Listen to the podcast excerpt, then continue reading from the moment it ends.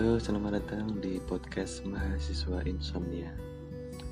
Oke, kali ini saya akan uh, sharing terkait uh, summer program yang pernah saya ikuti yaitu summer program di University of Tsukuba di Jepang.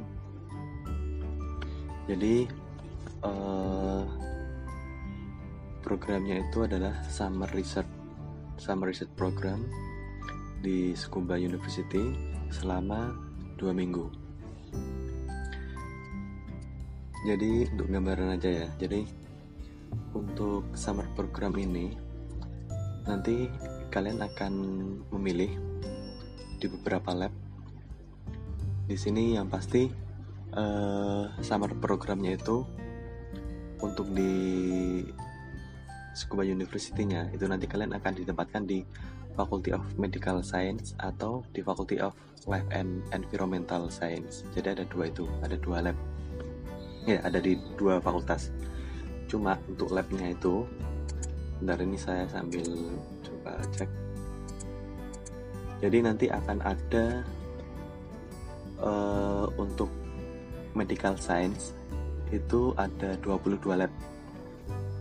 Ada banyak banget macam labnya. Ada mungkin uh, jadi ada ini ya tak beberapa aja yang saya ingat. Jadi ada lab hematologi, dermatologi, gen, molekular parasitologi, terus ada imunologi dan lain sebagainya.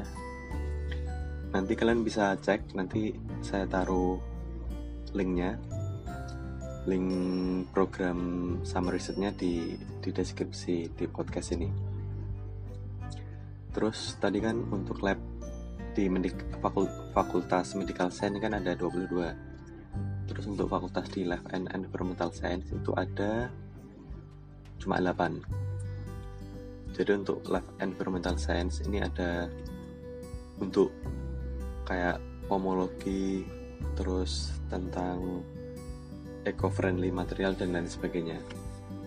Nanti lebih jelasnya kalian bisa cek di websitenya ya. Kayaknya ada pelayaran juga. Sebenarnya untuk tahun ini pendaftarannya udah ditutup. Jadi saya kan kemarin ikut di tahun 2018 untuk program summer research-nya dan sekarang 2019 untuk program yang ke-10 karena programnya kan udah dimulai dari kalau nggak salah 2010 jadi untuk 2019 ini saya udah ditutup programnya. Jadi mungkin persiapkan aja dari sekarang untuk nanti program di 2020 jadi nanti modelnya gini. Uh, sebelum ke ini ya menginjak ke persyaratan tadi kan saya jelaskan untuk labnya itu cuma ada yang pokoknya seluruh lab yang ada di dua fakultas itu tadi. Di fakultas uh, medical science sama di fakultas life and environmental science. Jadi cuma ada di dua itu. Pokoknya lab yang ada di dua fakultas tersebut.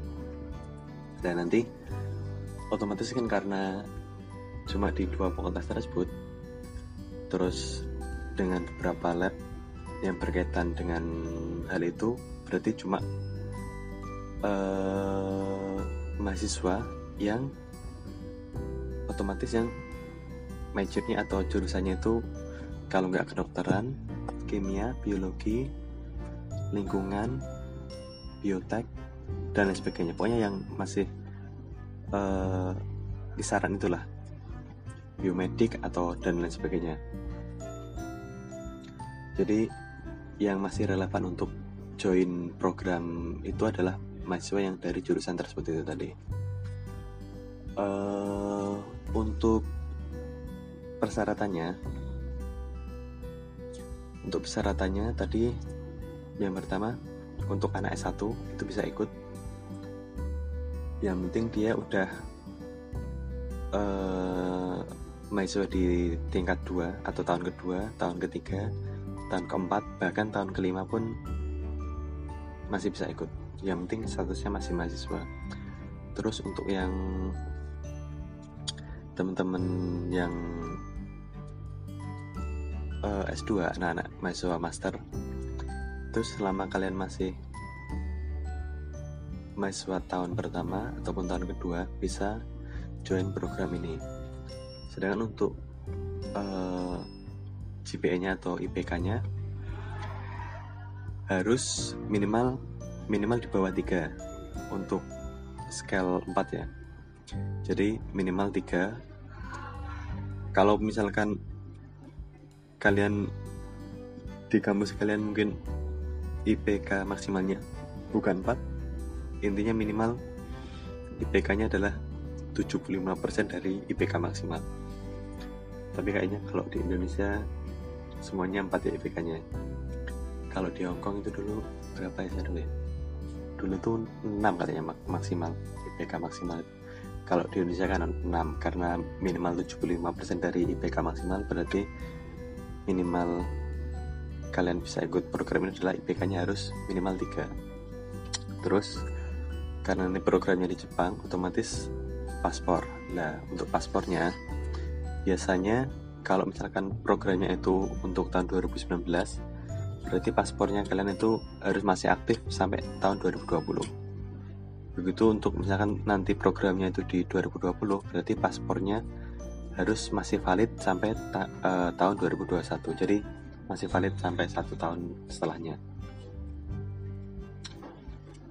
Terus tadi kan ini saya jelaskan dari beberapa fakultas tadi ada beberapa lab.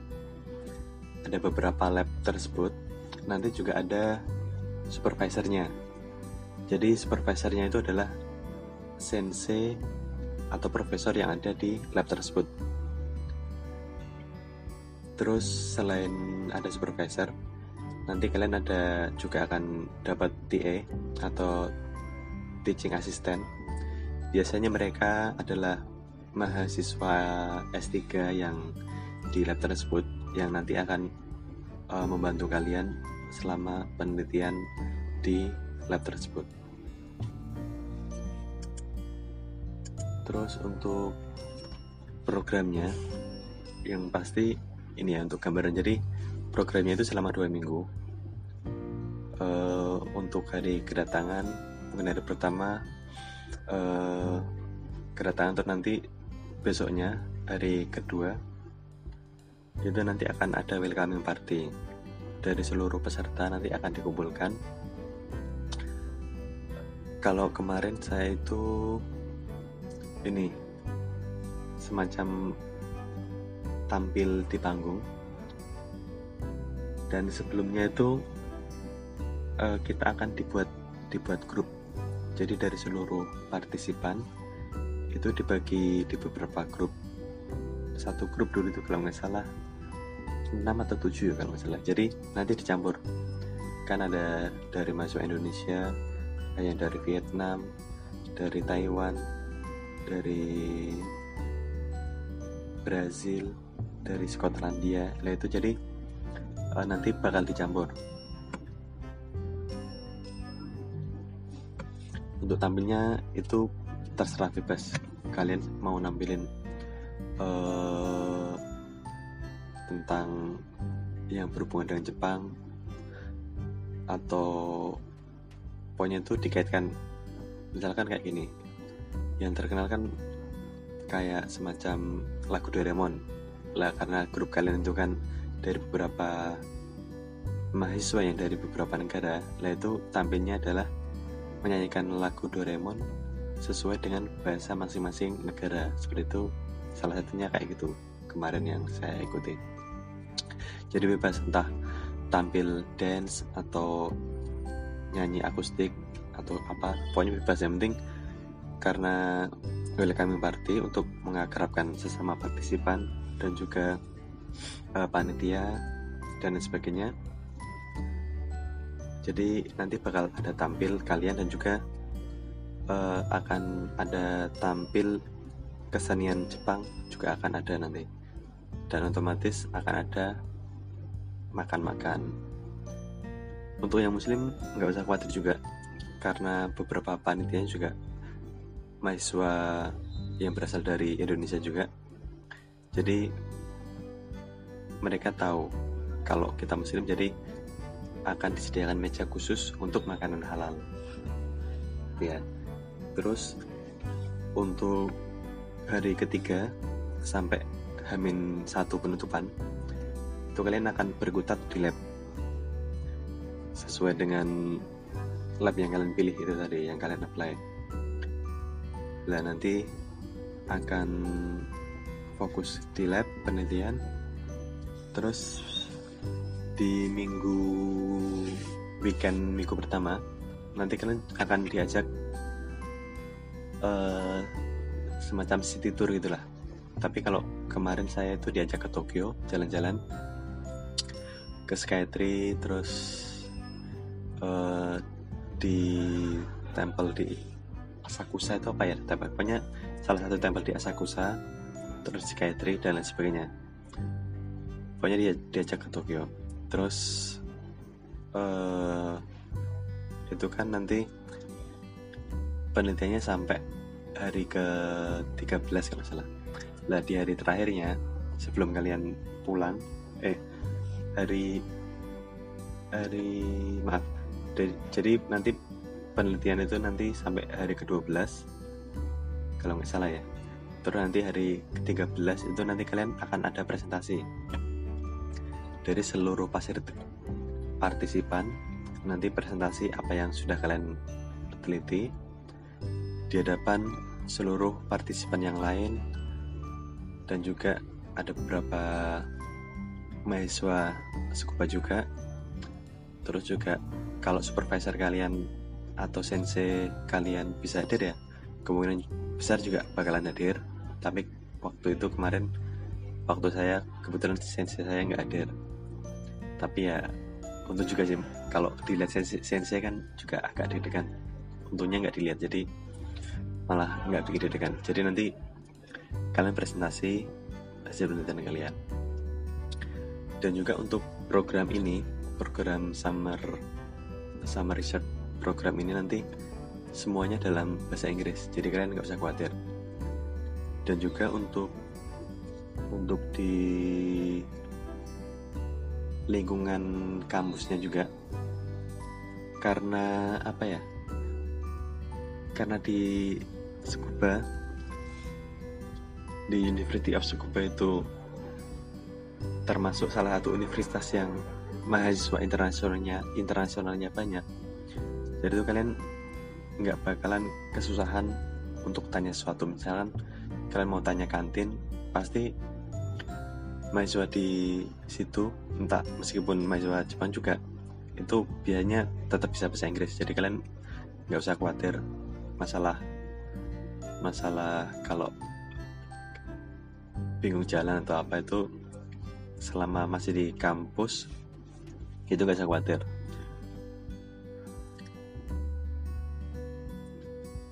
terus untuk hmm, makanan halal juga di beberapa kantin juga ada.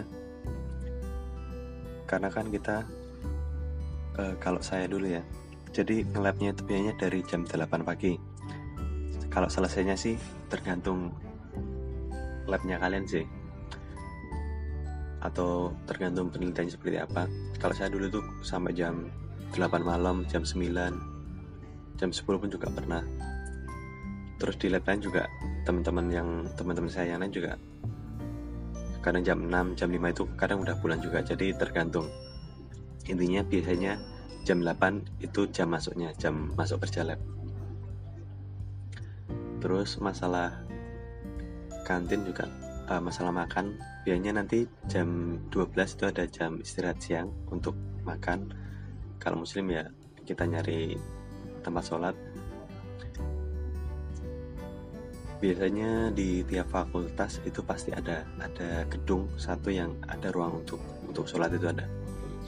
Terus untuk kalau yang putra itu tiap Jumat itu juga ada masjid juga. Masjid di Scuba agak jauh juga sih dari kampus. Kalau nggak nyepeda juga kalian bisa nebeng dengan teman mungkin ada mahasiswa dari Indonesia juga yang di Scuba kalau misalnya bisa bareng naik mobil atau apa. Oh ya jadi uh, program summer research ini ada beberapa pilihan sebenarnya. Ada yang pertama full. Kalian bakal dapat scholarship. Jadi tanpa bayar sama sekali mulai dari penginapan biaya program tiket pesawat itu sudah ditanggung. Atau yang kedua yang kedua itu adalah biaya program penginapan itu ditanggung cuma untuk tiket pesawat kalian usaha sendiri. Terus yang ketiga itu kalian uh, membayar membayar seluruhnya. Jadi tiket sendiri biaya program kalian juga harus bayar penginapan asramanya uh, atau drum kalian juga harus bayar sendiri. Kayak gitu. Terus untuk oh ya juga jadi uh, seluruh partisipan waktu itu di hari pertama waktu welcoming party kayaknya itu kita dikasih 8000 yen semuanya. Dan juga dikasih dipinjamin sepeda untuk untuk dari dorm ke kampus itu kan juga sekitar 2 kiloan lah. Kalau yang ini ya yang di Voltas Medical Science itu agak jauh itu selain naik sepeda kalian juga bisa naik bus. Kalau bus itu 210 yen kalau misalnya tapi kalian juga bersepeda kok. Kebanyakan mayoritas semuanya bersepeda dari dorm ke kampusnya. Karena bareng-bareng kan nggak nggak terlalu capek. Mungkin itu hmm, terus selain persyaratannya saya sebutkan tadi juga ada TOEFL TOEFLnya ini ada TOEFL kalau nggak salah 450 kalau nggak salah. Selain TOEFL nanti juga kalian disuruh membuat isai. Kalau saya dulu isainya jadi gini untuk tips membuat isainya biasanya untuk peluang lolosnya kebetulan saya kan juga apply-nya untuk scholarship-nya biar nggak nggak membayar biaya programnya. Jadi sesuaikan dengan penelitian kalian di kampus. Atau misalkan sesuai dengan major atau jurusan kalian. Karena saya kimia otomatis saya dulu ngambilnya lab ini molekular farmakologi molekular farmakologi kan masih ada kaitannya dengan kimia jadi saya apply itu. Dan kebetulan penelitian saya juga tentang obat tentang uh, rancang senyawa obat dengan metode gisar jadi ada kaitan. Jadi kalian hubungan aja antara interest tentang riset kalian dengan lab yang kalian apply yang kalian uh, lamar itu untuk kalian tuju. Terus peluang yang kedua untuk kalian bisa terima atau dapat scholarshipnya adalah kalian bisa cek aja list kampus-kampus yang uh, menjalin kerjasama atau MOU dengan University of Scuba. Dan kebetulan karena UGM juga kerjasama ya udah saya akhirnya apply juga. Karena kan nanti peluang untuk keterimanya berarti kan agak tinggi tapi kalaupun uh, University of Scuba nya nggak nggak menjalin MOU dengan kamu sekalian ya kalian coba aja. Kan nyoba kan nggak nggak bayar kan? Ya barangkali kan keterima kan? Lumayan. Mungkin itu. Hmm, ada lagi nggak ya? Ya gambarnya seperti itu sih kalau mungkin kalau ada pertanyaan tentang summer research program di University of Tsukuba di Jepang ada yang kalian tanyakan bisa kontak di email atau bisa mention di Twitter atau DM aja di Instagram nggak apa-apa. Nanti kontaknya saya taruh di deskripsi. Dan juga untuk website uh, summary programnya juga nanti bakalan saya saya taruh di deskripsi di podcastnya. Mungkin gitu aja, semoga bermanfaat. Sekian.